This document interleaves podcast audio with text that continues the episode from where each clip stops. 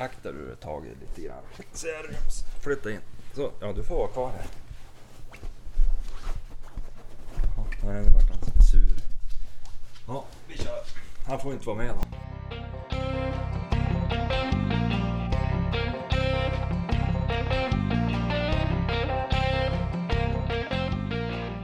Ja, vi säger hej och välkomna till ett nytt avsnitt av Jaktpodden. Du hade lite konkurrens i soffan. Fåtöljen. Ja, osedvanligt tjurig hund. Ja. Men nu har han lagt sig i den andra fåtöljen så att Ja. Hör ni något stönande och något som tyder på livströtthet här inne så är det inte vi, det är hund. ja. Du, vi har ju glömt bort att tacka vår ständige sponsor. Ja, herregud. Anders Hellström. Trubadur från Umeå. Ja, det är han som gör att vi kan spela in det här eftersom det är hans inspelningsutrustning som vi använder oss av. Ja, två fattiga själar som har fått lite hjälp. Ja, nej men det, det tackar vi stort för. Vi har inte hört när han ska igen det här. Vi hoppas väl att det ska dröja. Annars- Vi gör ju det tills vi har råd att köpa en egen utrustning. Du, jag missade ju... Du vet på Insta, Instagram, då Ja. har man ju direktmeddelanden kan man skicka till varandra. Ja. Som man bara ser själv. Och då, sådana har vi fått. Men i torsdags, förra veckan, då upptäckte jag ju att man kan ju också ha direktmeddelande förfrågningar. Alltså om folk som man själv inte följer skickar ett meddelande till en, då syns det inte, då får man ingen notis. Då- Så jag klickade in där och var förfrågningar och där låg det ju en hel bunt med massa direktmeddelanden som jag som var ganska gamla, upp till 3-4 veckor. Ja, se där. Så jag satte mig och svarade på alla de där meddelandena. Så jag ber om ursäkt till ni som har skickat DM till oss på Insta och väntar på svar. Men nu, nu har vi full koll på det där. Så nu tittar vi till den. Vi är ju riktiga mediaproffs. Mm, ja, ja. Men då har vi kommit, då har kommit, där var det ju massa trevliga meddelanden och lite frågor och grejer. Så att eh, Ja. avsnittet styrs lite grann av det också. ja, men det är kul. Men du, veckan som gått. Det var ju ingen större jakthelg eftersom vi befann oss i Stockholm. Ja, vi var svira. ju och svirade på lite. Trots svår dödssjukdom från min sida så reste jag mig upp och lyckades få i mig både... Ja, men du var ändå sliten, ändå sliten på fredagen. Va? Du var ju som småsliten på fredagen. Ja, och hela helgen, det, det, det var ju inte alls bra det här. Nej. Det, det, men jag undrar om det var någon matförgiftning lika fullt. För på tisdag natt efter inspelningen, då började ju eländet. Jo. Men så kan det vara. Nu är jag åter till de levande. Ja, det var ju tur att hotelltoan fick ta emot det där. Ja, jo. Det, det blev ju lite så med. Men vi hade kul. Jättekul och åt god mat. Mm. Eh, på restaurang Djuret. Fantastisk mat. Ja, det var det. Det var... Det var ju topp fem upplevelserna i livet tror jag. För mig i varje fall. Ja, nej men det var ju det, Restaurangmässigt. det var väldigt bra. Kanske topp två. Bra mat, bra service. Så hade Mm. vi tur, för de byter meny en gång i månaden och nu i måndags då bytte de till älg. Ja, och det hade ju varit antiklimax att komma dit och få äta älg. Ja, säkert den godaste älg man någonsin har ätit. Ja. Men ändå älg. Ja. Det vill man ju ta. Nej, man har ju stoppat några kilo kött i magen av just det djuret. Ja, så då, då, då vart det nöt istället för oss. Mm. Och kungskrabba. Ja. Och kyckling. Ja, kyckling. Ja, jävligt bra kyckling. Ja men något så fruktansvärt. Jag tänkte det här, ja men kyckling. Ja, visst. Hur lyxigt är det att gå och betala dyra slantar? Men det är bland det bästa jag ätit. Ja, jag tror det var de godaste rätterna. Ja, tredje rätten där, där var kyckling, den var ju Ja, vad fin. Satan. mycket fin. Ja, det kan vi rekommendera. Ja, men du har ju ändå... Mycket kärlek där. Ja, eh, det var jävligt bra. Ja. Men du, och du hann ju ändå ut med eh, din Bassett, vad det nu heter, Bassett Petit Griffon. ja, vi kan ju lämna det till Chili. Chili. Ja, alltså äntligen så har vi fått känna om på pulsen lite. Mm. Så att, eh, ja, inga resultat i, i fällda byten så, men, men eh, eh, ja, tre drev. Mm. Varierande kvalitet lite grann. Det var, men jag gillar lite grann det här. Första det var kronhjort. Ah, okej. Som jäklar drog rakt ut. Du vet ju hur de gör ibland inne i Bossmyra. Jo. Dra bara rakt österut och så härja på ända ner mot norrbyn till. Ja. Och där han stack ju iväg rakt ut. Det var ett ensamt djur jag gick och kollade sen. Ja. Mest roligt i alla fall. Och. Och hon hade vett. Det blev inget långt drev för efter knappt två kilometer då det hade gått rakt. Då var hon förmodligen ganska frånsprungen så då vände hon och så kom hon hem.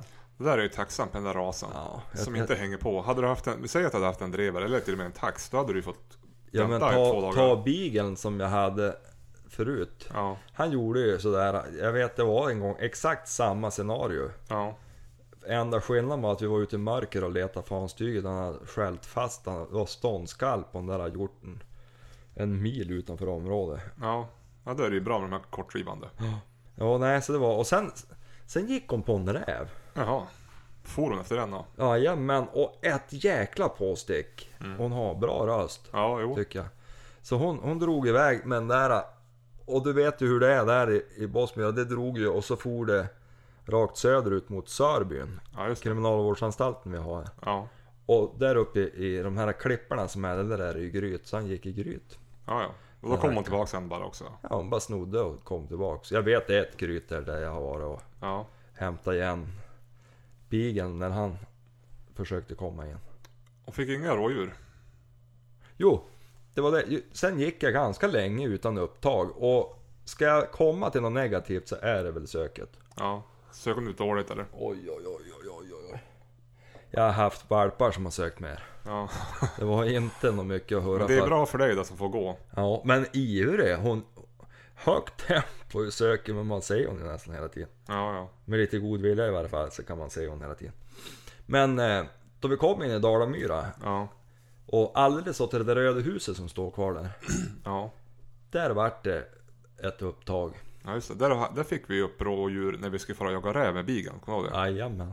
Hade väl det på 20 meter stod Ja. på oss. Ja. Och upptaget kom någonstans där. ja, just det. Norr om den där rödladan då. Längs, när, längs ån. huset.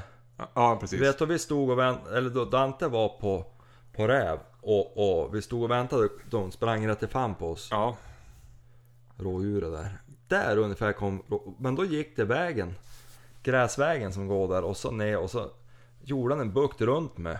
ja, ja. Så jag såg ryggen på, på rådjuret Jaha, vad fan. sådär lite grann inne. Du vet det är så högt gräs. Ja, Och sen gjorde en lov runt och så, så jag trodde nästan jag skulle kunna komma och få han i pass men då slängde han sig över ån och for in på Öre Mm. och drog söderut. ska inte ge bort några djur till öre. Nej, det ska vi inte göra. Då kommer vi kanske in på, vi hade ju en liten hälsning till Anton.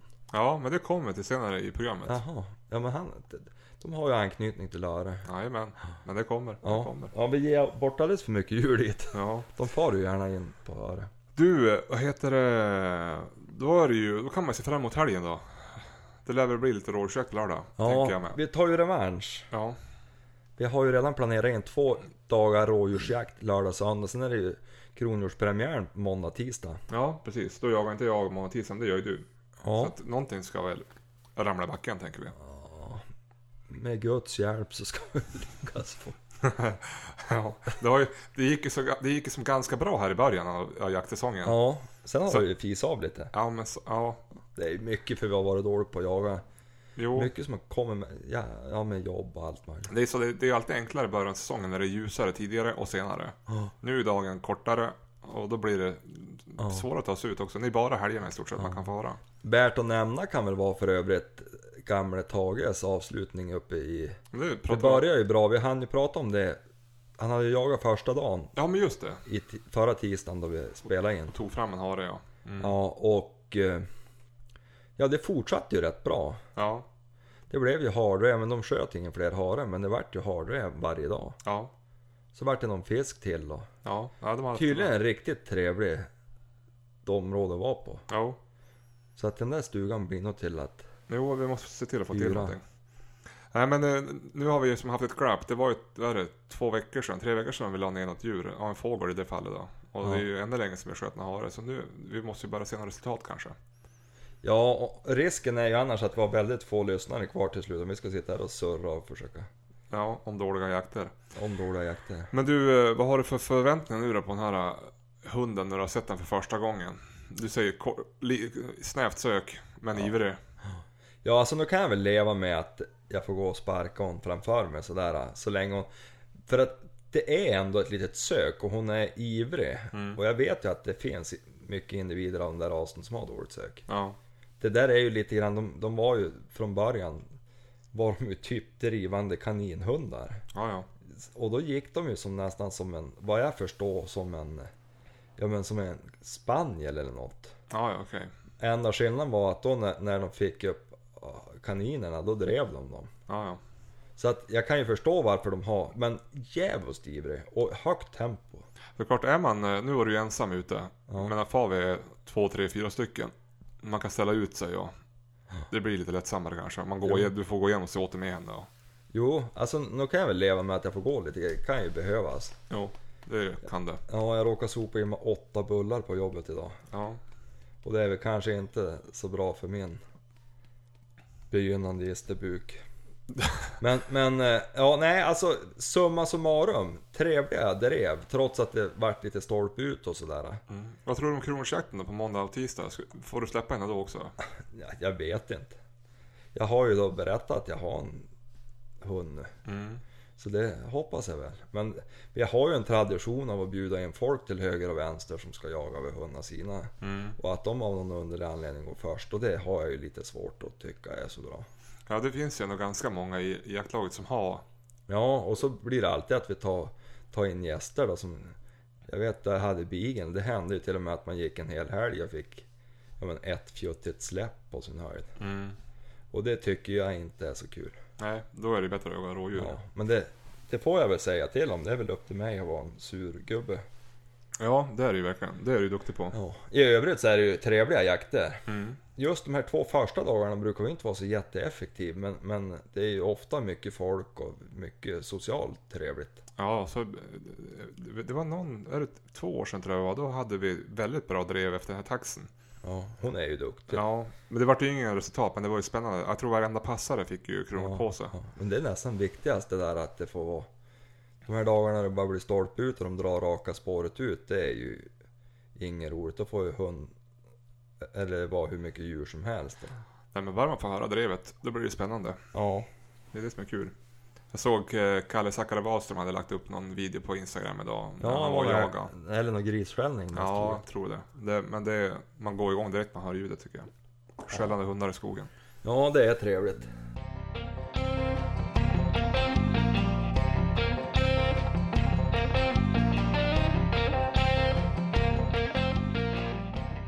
Du, jag har ju fått, som sagt, massa DM på Insta. Mm. Eh, bland annat ett från Thomas. Ja. Som önskar lite tips och tricks när det kommer till fågeljakt.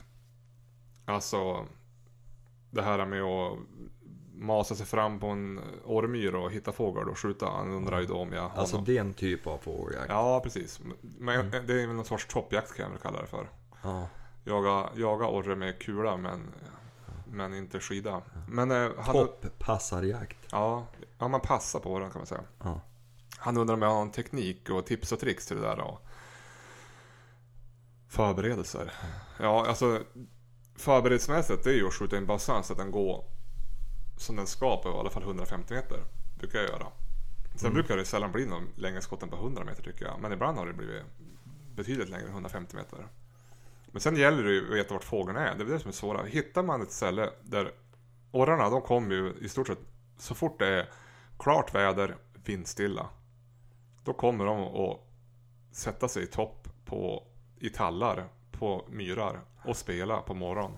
Så man kan säga att de här sista veckorna vi har haft har det ju inte varit speciellt gynnsamt för den typen av jakt. Nej, nej, jag har ju bara varit ute en gång i år och det Ja. var ju typ den 25 augusti. Då, då det regnade till och med och då kommer det en fågel.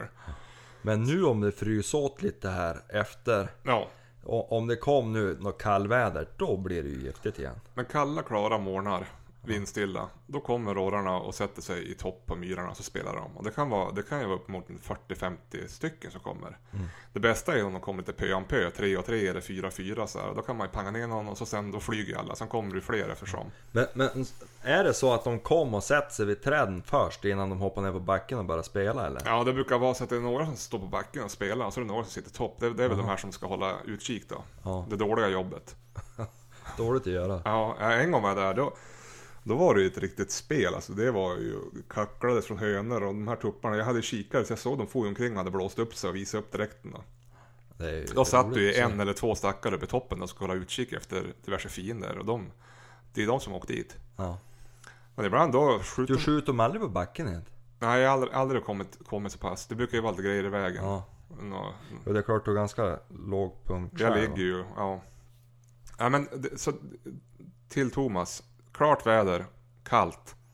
Eh, och inte så blåsigt. Sen är det svårt att hitta myren och det hittar man ju genom att man går i skogen på morgnarna. Då hör man ju vart de är. Mm. Och så sen får man väl liksom bara chansa och smyga sig på de här myrarna, myrarna innan fågeln kom dit. Det är i mörker då i princip. Ja, alltså går solen upp och vi säger att det blir ljust, skottljus klockan sex, då ligger det där klockan fem. Ja. Ibland är de där innan, då flyger de, då är det, då är det kört, då är det bara att gå hem igen. Ja.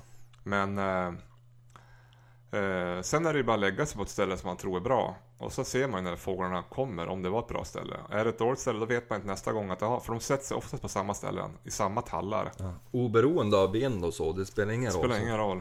Enda gången jag har märkt det var när de tog bort skog här.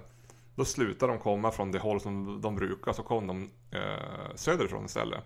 Och då flyttar de sig på kanske nästan 150-200 meter från där de brukar sitta till ett nytt ställe. Jaha. Ja, sen är det bara att ligga där väldigt kamouflerad. Jag använder eh, sånt där nät över ansiktet till och med.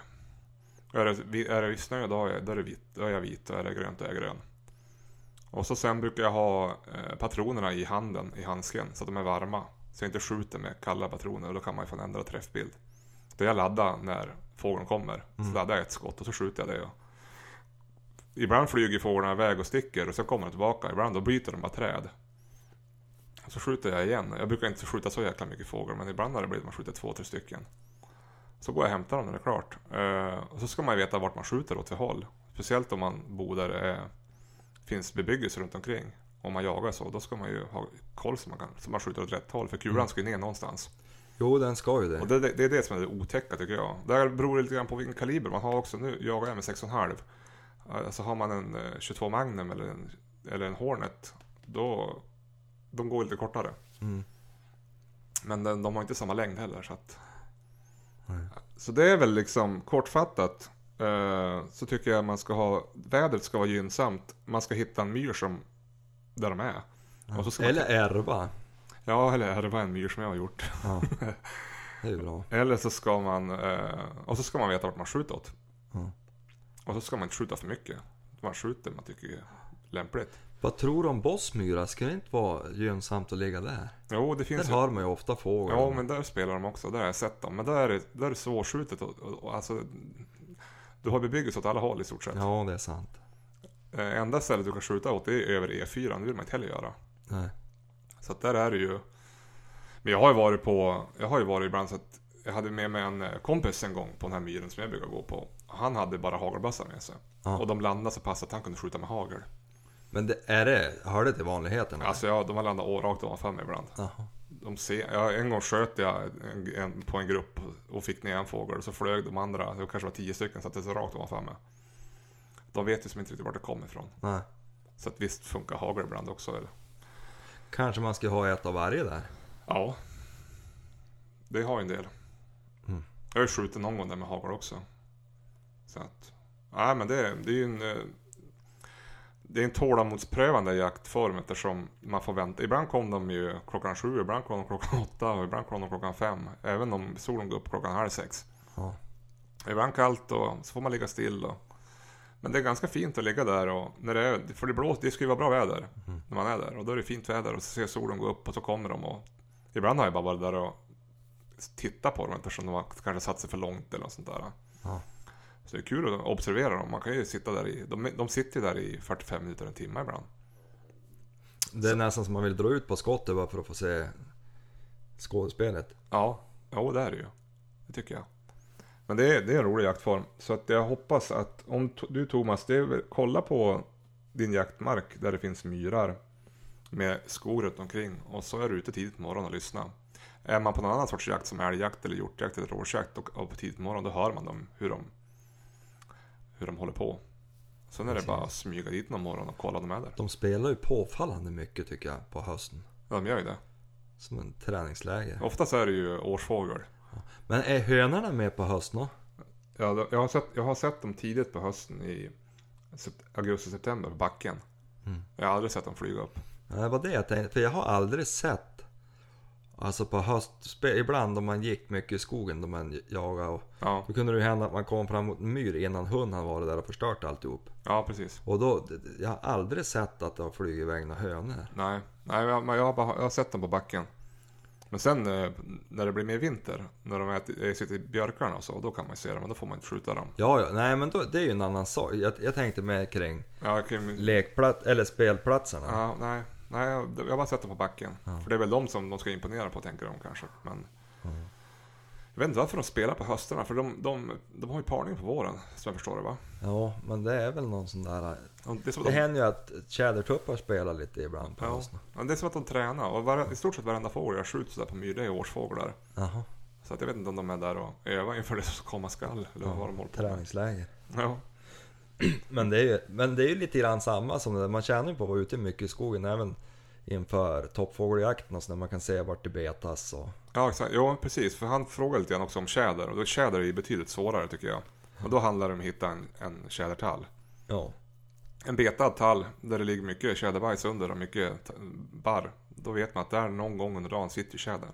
ja. Ofta gör de det. Och då kan man ju komma till. Jag har aldrig, aldrig lyckats med det. Utan det har varit på uppflog med när jag har gått i skogen. Ja. Så Tjädern är lite lurigare. Där är det bättre att vänta till vintern och gå med skidor. Ja, och vi har ju inga riktigt bra... Alltså just det här med toppfågeljakt, alltså vanlig toppfågeljakt, vi har ju inte så bra. Jag tror vi pratade om det i något av de första avsnitten, vi har ju aldrig några bra snöförhållanden och sånt. Nej, och så det som är fördelen med det här om man ligger på myren innan de kommer. Det är att då kan man ju bestämma sig att nu, vilken, vilken skottriktning man vill ha. Alltså då, då, jag lägger mig på ett ställe som jag vet att åt det här hållet kan jag skjuta. Landar Ja. de framför mig, då skjuter jag. Jag har gått med skidor här också och sett fåglar i topp. Men då har jag aldrig kunnat skjuta för det har varit åt fel håll. Det är ju det som är problemet, där det är lite tättbebyggt och... Ja.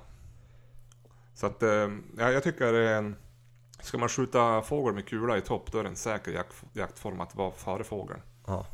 Än att vara efter.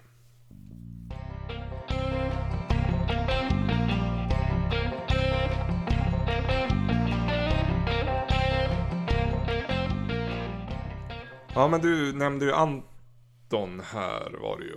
Jajamän. Och eh, det är också via ett DM på Insta. Så har. Fredrik skrivit till oss. Våran jaktgranne, det var därför jag nämnde Öre här lite Ja. elakt. Precis, det var han jag att göra. Ja. Han har skrivit att han och hans kollega Anton. Anton vill hemskt gärna bli nämnd med namn. Ja. De vill att vi listar våra värsta jakter. Alltså de värsta jakten var med om. Och det kan vara, det kan vara allt från dåliga skott till eh, älg som ligger fem mil in i landet eller dåligt väder eller vad som helst. Men Jag har ju inga dåliga jakter. de tre värsta jakterna har vi varit med om. Så vi tänkte, jag tänkte då kör vi det som veckans lista. Fick Ja. vi ju ett ämne eh, levererat till oss också. Ja. Det har ju varit ganska, det är ganska svårt att komma på den här listan. Ja, men det är ju kul då, då det är någon som skriver in och det kan de ju få fortsätta göra. Ja herregud, ni får jättegärna tipsa om listämnen. För där, där, där kliver våra huvuden varje, varje gång vi spelar in. Ja, det är ofta vi får någon slags, inte vet jag, tillfällig demens då vi ska diskutera listor. Ja, det är det. Nu har ju du jagat betydligt längre än mig. Jag har ju bara i stort sett jagat 10 år. Så jag har ju, jag har ju, jag tror att jag har lite mindre värsta jakter än vad du har. Mm. Eh, jag jagar mest småvilt också. Så att rent dåliga skottmässigt så är det inte jättemycket. Sa han ödmjukt. Men eh, Ja, men ett par det är som stycken gör jag storhet så sympatisk. Ja, ja, precis. Men eh, jag tänkte vi kör, vi kör tre, vi listar tre till ett, från tredje plats till första plats. Mm. Jag kan ju börja. Eh, det var ju i början när jag började jaga, jag vet inte när det var, 2009 kanske, 2010. Eh, det var bland de första gångerna jag började jaga älg i alla fall, så var jag med på älgjakten. Och det var ju som halvspännande sådär. Sen hör jag ju hur en passgranne en bit bort har en älgko som springer förbi han, men han kunde inte skjuta. Och så sen kommer nästa passgranne och ropar samma sak och så ropar de båda han är på väg mot dig. Och då vet ju alla att du har älgen där. Ja, alla vet ju att det är en älg på väg till mig nu. Så nu... Han går rakt mot det. Pass upp, pass upp. Så jag liksom spänd med att ta i och till nu jäklar. Nu blir det av. Nu ska jag skjuta min första älg. Så jag sitter och stirrar ut över. Jag hade ett hygge rakt framför mig och så hade jag ja, en liten öppning, en glänta bakom mig, så lite skog. Och jag tittar efter den här älgen och jag tänkte, vad fasen är han? Och så hör man hur de liksom, har du sett älgen? Ja. Så jag började skruva ner radion och tänkte, vad i helsike är det här? Sen helt plötsligt hör jag liksom hur det brakar bakom mig. Då står ju älgkon bakom mig på 20 meter.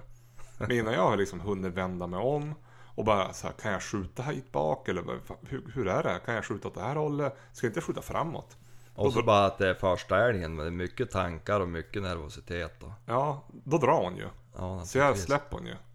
Och sen var det ju bara, men du kunde ju skjuta bakåt där, det var ju ingen passare där och...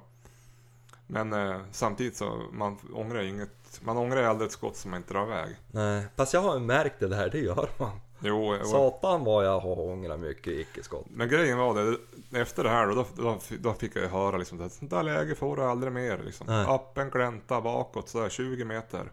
Dagen efter, då lottades jag, fick jag samma pass. Då kom en älgtjur på rätt sida passet, på framsidan passet. Då sköt jag den. Ja. Så jag fick ju som revansch dagen efter. Ja, Så det var ju skönt. Ja, det var ju efter eh, det- din jämthund förresten. Men vet att då var det inte 2009, det måste vara 2011. 2011 kanske var Ja, men var det, ja det kanske Han var. var född 10. Ja, det var det 2011. Jag började jaga 2007. Så att, ja, men det var nog kanske fyra år. Mm.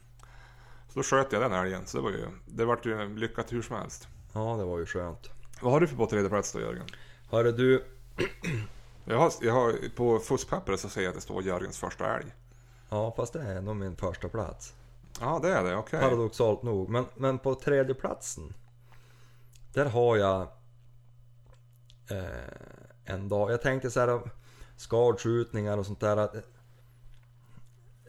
Skulle man ju kunna ta, men jag har en jaktdag som Det går nog till världshistorien som är absolut tråkigaste dagen Då man går med hund Jaha. jag släppte på morgonen. Och det var ganska fint väder men det var jävligt svart i horisonten. Och så hade jag en tik som hette Kajsa. Som vi höll på och försökte jaga in och den där tiken det ville sig inte bättre än att hon var ju totalt värdelös. Men den här dagen hade jag gamle Walter med mig, Uman Walter. Och tänkte jag skulle, för, alltså vi var ju desperat, hon var ju tre år då, så hon skulle försöka kicka sig igång lite grann och få lite hjälp. Var ju älgrädd så här med facit i hand. Men... Och han tog upp en kviga. Och ungefär samtidigt som han tog upp den där kvigan. Då satte det till och spöregnade nås, ungefär som det regn vi har haft senaste dagarna här. Mm. Alltså det fullkomligen öste ner. Och jag var ju och försökte få, och jag såg den där kvigan flera gånger så jag hade ju kunnat avsluta jakten ganska snabbt. Mm. Men jag skulle ju få igång den här förbannade tiken som totalt vägrar fara till älgen. Och, och det öste och kräkregnade hela tiden. Och jag vart ju ganska fort totalt dyngsur. Mm. Och så var det ju inte så varmt, det var ju oktober tror jag. Så det var väl kanske en 2, 3, 4 grader varmt.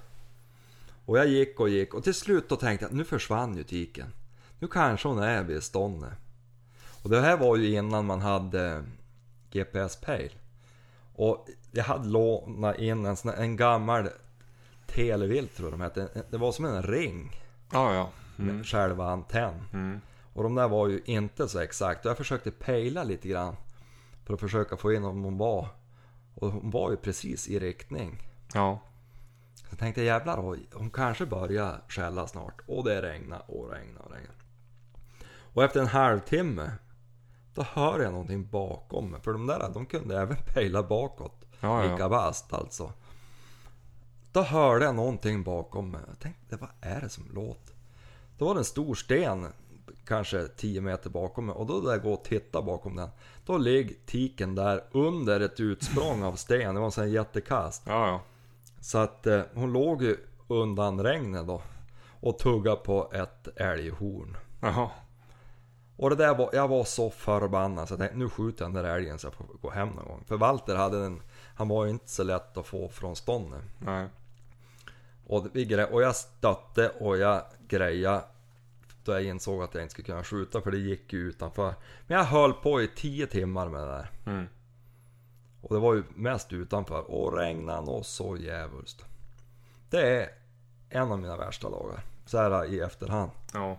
Ja det där, jag har ju också dåligt väder på andra plats då. Det var också i början när jag jagade älg eller hjort eller vad det nu var för någonting i alla fall. Vi jagade med jaktlaget. Jävligt fin morgon var det. Klev ju upp, tog på mig liksom jaktställe. Tog med mig ryggsäcken, packade mat, tog inte med mig några regnkläder. Och så vart det ju passlottning, fick något torn på rakan på riks 13. Oj, ja, det är ganska högt torn. Ja, högt torn, gru, grusväg, lång, lång raka. Och så började det blåsa i sidled. Alltså österifrån då. Ja. Och så mulnade det på och så bara det ösa. Det bara- var som att himlen bara öppnade sig. Mm. Precis som jag haft nu. Jag tror det regnade kanske säkert 60 mm på den där dagen. Och jag satt där liksom första såtet, tog kanske tre timmar och bara huttade och frös. Händerna var ju som isbitar. Det var inte ens lönt att tänka på att skjuta någonting. Utan jag bara liksom huvan över mig och så bara lät det regna. Sen var det återsamling. Blöt som fasen. Och så ett nytt pass. Och så fick jag tornet bortanför. Mm. Igen. Och så regnade det. Så när jag for hem, jag tror jag var blöt i fyra dagar. Det var, det var fan det värsta. Det är, när jag tänkte tillbaka på dåligt väder, då brukar jag tänka på den här dagen. Mm. Sen dess har jag alltid regnkläder med mig. Ja, Eller nu har jag ju till och med ett Gore-Tex-ställ, men det, det ger ju vika efter ett tag. Ja. Jag vet att en del de kör ju sån här regnponcho, så tänder de små värmeljus. Har, vi har en jaktlag som brukar göra det. att Tänd värmeljus innanför den här ponchon. Alltså det blir som en liten Det blir som en liten... kåta typ. Ja. Våtvarmt omslag. Precis. Vad har du på andra plats då Jörgen? Hörru du, det var uppe på en mark som heter Villvattnet. Ja. Jag har jättemånga bra jaktminnen därifrån. Men jag har även ett mindre bra. Och det var med Grazialandets Reko hade vi släppt den morgonen. Det var jag och Sture. Och så en ungdomskompis till han, alltså en barndomskompis. Som var med. Och vi släppte Reko där på morgonen. Och han for ner ut efter en lid där och började skälla. Så vi gick ut på ett hygge för att, att höra lite bättre. Och det här var alltså första sökrundan. Mm. Och då, han står och dunkar på själv där nere i liden. Då kommer det tre älgar från ståndet. Mhm. Men hund står kvar och skäl. Och inte nog med det. Och det här ska tilläggas, det här var alldeles i början av min jaktlärarbana. Jag hade skjutit en älg före. Så är det 75 år sedan. Ja, precis. Och Inte nog med att det kom tre älgar. Det kom en fjärde älg, fast från andra hållet och gå mot ståndet. Så det är fyra älgar på väg mot oss. Ute på ett hygge som är kanske 400-500 meter långt. ja. Och du kan ju tänka dig vad det gör med en orutinerad jägare. Jag vart ju ganska... Och du såg inte hunden någonstans? Nej, han stod och skällde. Ja. En helt annan älg. Och så hade du fyra älgar framför dig på Ja. hygget? Ja. Ja. Och Sture han hade ju för vana att sällan skjuta på, han, han sköt ju inte någon älg som inte hund jobbar med. Nej. Men han viskade till mig att skjut, skjut en älg du. Och det kom och gick och gick och gick och det vart ju olidligt. Nu sträck taget på så här. Ja jag ser det, nu är det liv i gubben. Ja. Nej men du vet, det vart olidligt. Så där, jag var så jävla nervös, bara dunka och det var som att jag zoomade in, det var som att man såg en tunnel. Ja. Till slut då kom det och så en liten stackars pinntjur som ställde sig på max 70 meter med bredsida. Så det var ju totalt skolboksexempel alltså. Mm. Så jag, jag, jag siktade ju jag och sköt mitt i bogen. Siktade jag. Mm. Så tryckte jag av och Sture lyfte inte ens bössan och jag glömde bort att göra mantelrörelsen. Jag var ju totalt uppe i det blå där. Och så började älgen gå ifrån oss. Men vi tänkte ju att det är ju som lugnt, det går ju inte att bomma det där. Så började älgen springa. Så försvann älgen ner i en svacka. Ja. Och Sture han, han eh, upp med bössan. Så upp, men han, vi såg han ju inte förrän han var fan på 300 meter. Bara sprang. Jaha. Och det här var alltså direkt på morgonen. Och sen, sen gick vi på eftersök hela förbannade dagen. Och spårade den där jävla älgen. Han hade ju farit hur långt som helst. Mm. Till slut var det ju bara inse att den där älgen, han har ju klarat sig. Jag har ju bommat. Och eh, det visade sig vid kontrollskjutning sen att kikarsiktet var trasigt. Så att det, jag tror att jag sköt 15 skott innan jag överhuvudtaget hade en träff på. Jaha jävlar. Ja, så det var ju bara tur att jag inte skadsköt han utav HIV-vetet. Ja visst. Så jag hade slagit i. Skickade för övrigt in den där. Eh, det var en Leopold-kikare, jag skickade in han. Skickade han till USA på lagning. Ja. Men sen var det samma fel på han igen några år efter. Jaha, Eller ganska många år efter. just det. Då Jenny Ja, ja det var den ja. Ja, ja den var ju Så det var, värdelös. ja, det var värdelöst. Det var den man kunde skjuta in och så gick det bra. Sen sköt man två dagar senare, det var det konstigt. Ja, Ja. jo det blev ju så igen där. Men han gick ju bra efteråt. Men ja, nej det var alltså i ett ungt jägarliv sådär alltså. Ja, man, tungt. hade ingen, ja, man tappar ju självförtroendet totalt. Jo. Ja, det är det som är, Jag hade inte så bra. det är lite spännande med jakt, att man kan... Det, det går fort att gå från toppen till botten. Ja, Eh, jag har ju också, på tal om att eh, skott, att man ångrar aldrig ett skott som man inte skjutit. Det är ju riktigt kan jag tycka. Men eh, på min första plats det var ju kronhjortsjakt för, ja, jag undrar om det var samma år som jag sköt den här älgen, 2011, 2012 kanske. Ja. Jagade ju i Bossmyran. Och så gick ju en hundförare med sina två hundar, han ju två vakterhundar.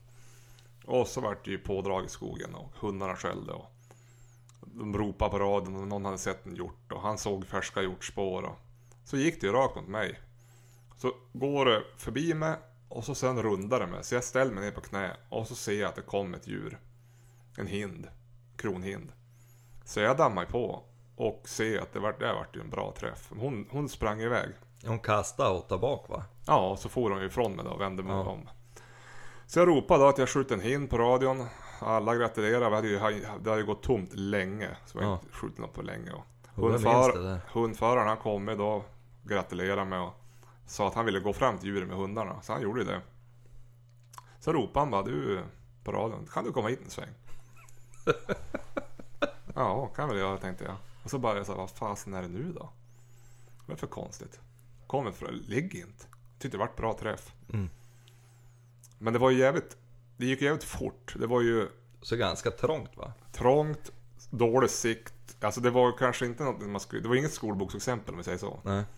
Det var snett framifrån. Eh, och så gick det på trav om vi säger så. Men jag kände mig trygg i skottet så jag tryckte ju av. Det vart Ja. ett bra skott. Men jag kommer fram, då ligger djuret där tack och lov. Men det är ju fel djur. Vad var det? Det var ju en råget. Jo det var det. Men eh, det var ju lovor det. Alltså det här var ju Ja. november. Så, Ja. Men vi, vi, när vi jagar kronhjort jagar vi kronhjort. Vi jagar inte rådjur. Nej. Det här måste vi försöka ändra på. Så att jag fick ju då ropa då att ja, det var ingen hind. Det var en råget. Antingen, han hade ju sett rå- kronhjortsspår i, i drevlöpan. Så. Antingen så kom det här som något stickdjur eller så hade hundarna att det var fler, fanns flera djur i området. Och Det var ju två vaktelhundar, de går ju lite på allt möjligt. Ja. Men jag fick ju den här rågeten rakt i knät och så var ju helt hundra i mitt huvud att det här är ju kronhjort. Ja. Och ja, vid, vid närmare eftertanke så hade jag ju kunnat se att det var ett rådjur. För den Mm. var ju, den, det skiljer ju storlek. Ja och utseende. Men jag fick ju ta hem det där rådjuret så det, det, jag åt ju upp alltihopa själv så det var ju inte dumt. Ja, Men eh. Du fick ju faktiskt inte så mycket skit heller. Det var ju... Jag Nej. tror att de flesta led med det, för du såg ju lite skamsen. ja, det var inget roligt. Nej. Men äh, ja, det är nog sämsta, sämsta, värsta jakten. Ja. Även fast det blev utdelning i form av ett rådjur så var det Det var ju tur att de var lovliga i alla fall. Men det, Mm. de är ju alltid lovliga samtidigt som kronhjorten så. Ja. Men så blev det. Vad har du på första plats då? ja, det har ju också med skam att göra lite grann. Ja. Och näsa sådär. Det var faktiskt på Andersliden det, lig, det ligger eh, upp mot Bygdsiljum till. Här i Västerbotten. Och det var ju då med min svärfar som jag berättade om som lurade in mig på det här med jakt. I hans jaktlag. Mm. Och jag var som glad att fått vara med där då. Så var det en som sköt på en kalv. Och jag hade ju varit så här, jag hade haft några halvlägen innan då, men var jävligt rädd för att trycka av sådär för att göra fel. Och... Det här var alltså innan du hade skjutit någonting? Ja, jag hade aldrig skjutit någon älg. Nej. Så att det hade ju inte blivit, jag hade ju jagat rätt många gånger innan sådär, men jag hade aldrig kommit till skott. Och eh, då vart det ju en påskjutning. Och hund jobbade, det var Ruff för övrigt, en hund som Sture hade men som Olle hade lånat. Mm. Och eh, han kom i sakta gångstånd mot mig. Och vet jag vart ju nervös någon jävel. För då hade man ju fått inpräntat att är det en påskjutning så här då ska man ju försöka till varje pris avliva djuret. Och, Ja, ja. Så jag tänkte jag måste ju skjuta om det går förbi här. Och så kom ju kon och kalven att gå. Och hon dunkar på och skäll och skäll och skäll. Och så hade jag som sett ut en liten lucka där på ja men en 80-90 meter. Och eh, jag trycker av då kalven kliver in där. Mm. Och då blir, bryter ju tumultet ut. Så här i efterhand har man ju varit med om det hundra gånger. Eller hundratals gånger kanske. Nej, det har man inte. Jag har inte skjutit så mycket älg att det är flera hundra. Men... Eh, då man skjuter en kalv, Mm. då vill ju gärna kon sparka upp kalven Ja. och få iväg han. Ja. Men i min förvirrade lilla hjärna där när jag hade skjutit min första älg så... Han, han, han drog ner backen alltså, kalven. Nej, alltså kalven försvann ju bara. Du sköt kalven och så drog han iväg och försvann eller? Ja, han bara försvann. Jaha. Jag kan inte säga någonting Nej, mer än nej, så, nej, den bara försvann. Du tryckte av, sen vart det svart. Ja. ja. Och då, då, eh, då i min förvirrade hjärna, vet då ser det ut som att kon ramlar och upp och, och det ser ut som att hon har svårt att ta sig fram överhuvudtaget alltså. Ja, ja. Men så här i efterhand vet jag ju att hon höll ju på att sparka upp kalven. Ja, ja. Och så far ju kon iväg och spring. Och jag får ju panik och tänker helvete jag har skadskjutit kon. Ja, ja, ja. Så jag...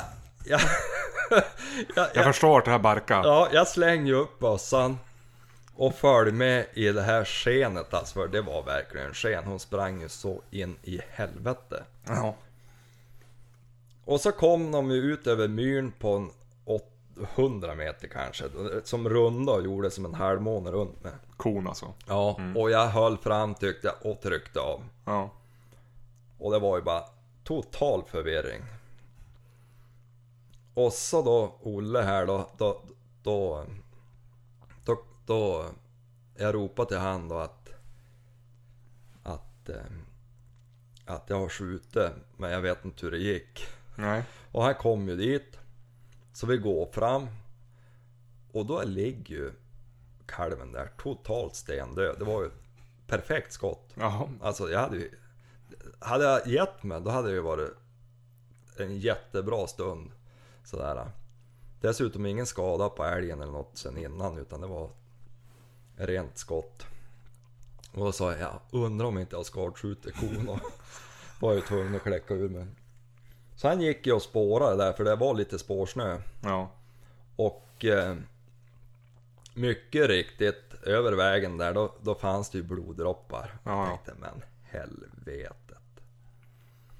Så jag var ju, och då, då sa Olle, du får fara och berätta det här för jaktledaren. Och det är för övrigt han som är distriktschef på Holmen här, Lars Johansson, som man hade mycket respekt för. Och, Ja. Ja, och så hela jaktlaget. Jag kom in där i kojan och ja, jag tror jag har skadskjut.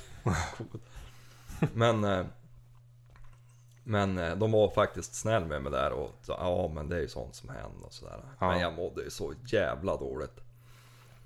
Och så efter två timmar då fick vi bulletiner från Olle, för då hade han varit in på stopp, för det där sprang ju ut ur området. Ja, ja. Och då, då jag, han hittade ju inget fel för hon stannade. Så Ja. började hon vara och sparka i blåbärsris och äta, äta och hon skällde som satan där. Så han hade smugit upp i ett jakttorn han ha, de hade där i grannlaget för att se bättre. Ja. Och han såg inget fel på kon. Men han hade ju sett blod. Ja. Och han kika och kika, satt och skruvade upp kikaren på högsta och så Till slut vände sig kon om. Så arslet kom emot. Ja. Då hade jag respon längst bak i låret. Ja, ja. Men du vet hon haltade inte ens utan hon bara gick. Så han lät kon vara och så fick hon.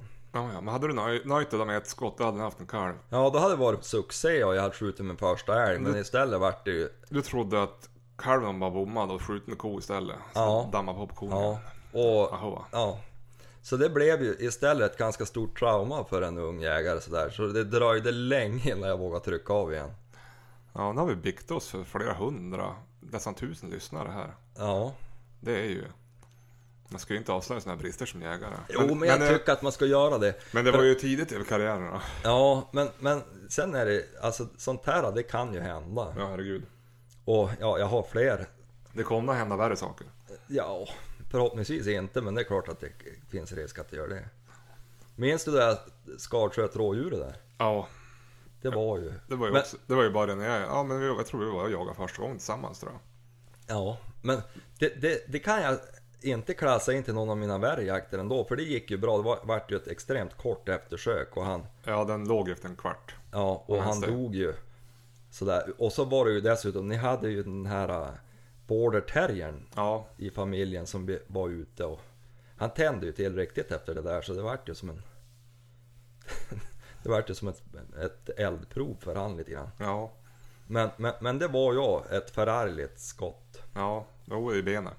Ja, inte bara ett, jag sköt av båda frambenen och det tog inte in någon vital del. Nej, Så jag sköt ju alldeles för lågt.